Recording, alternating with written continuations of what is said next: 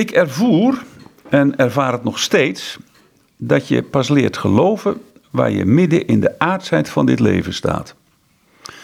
Wanneer je er volledig van afziet iets van jezelf te maken. Het zij een heilige of een bekeerde zondaar of een man van de kerk, een zogenaamde priesterlijke figuur, een rechtvaardige of een onrechtvaardige, een zieke of een gezonde.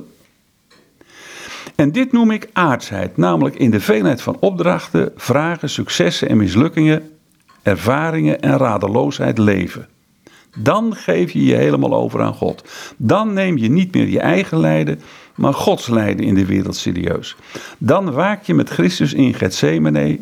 En ik denk dat dat geloof is. Dat dat metanoia, omkeer is.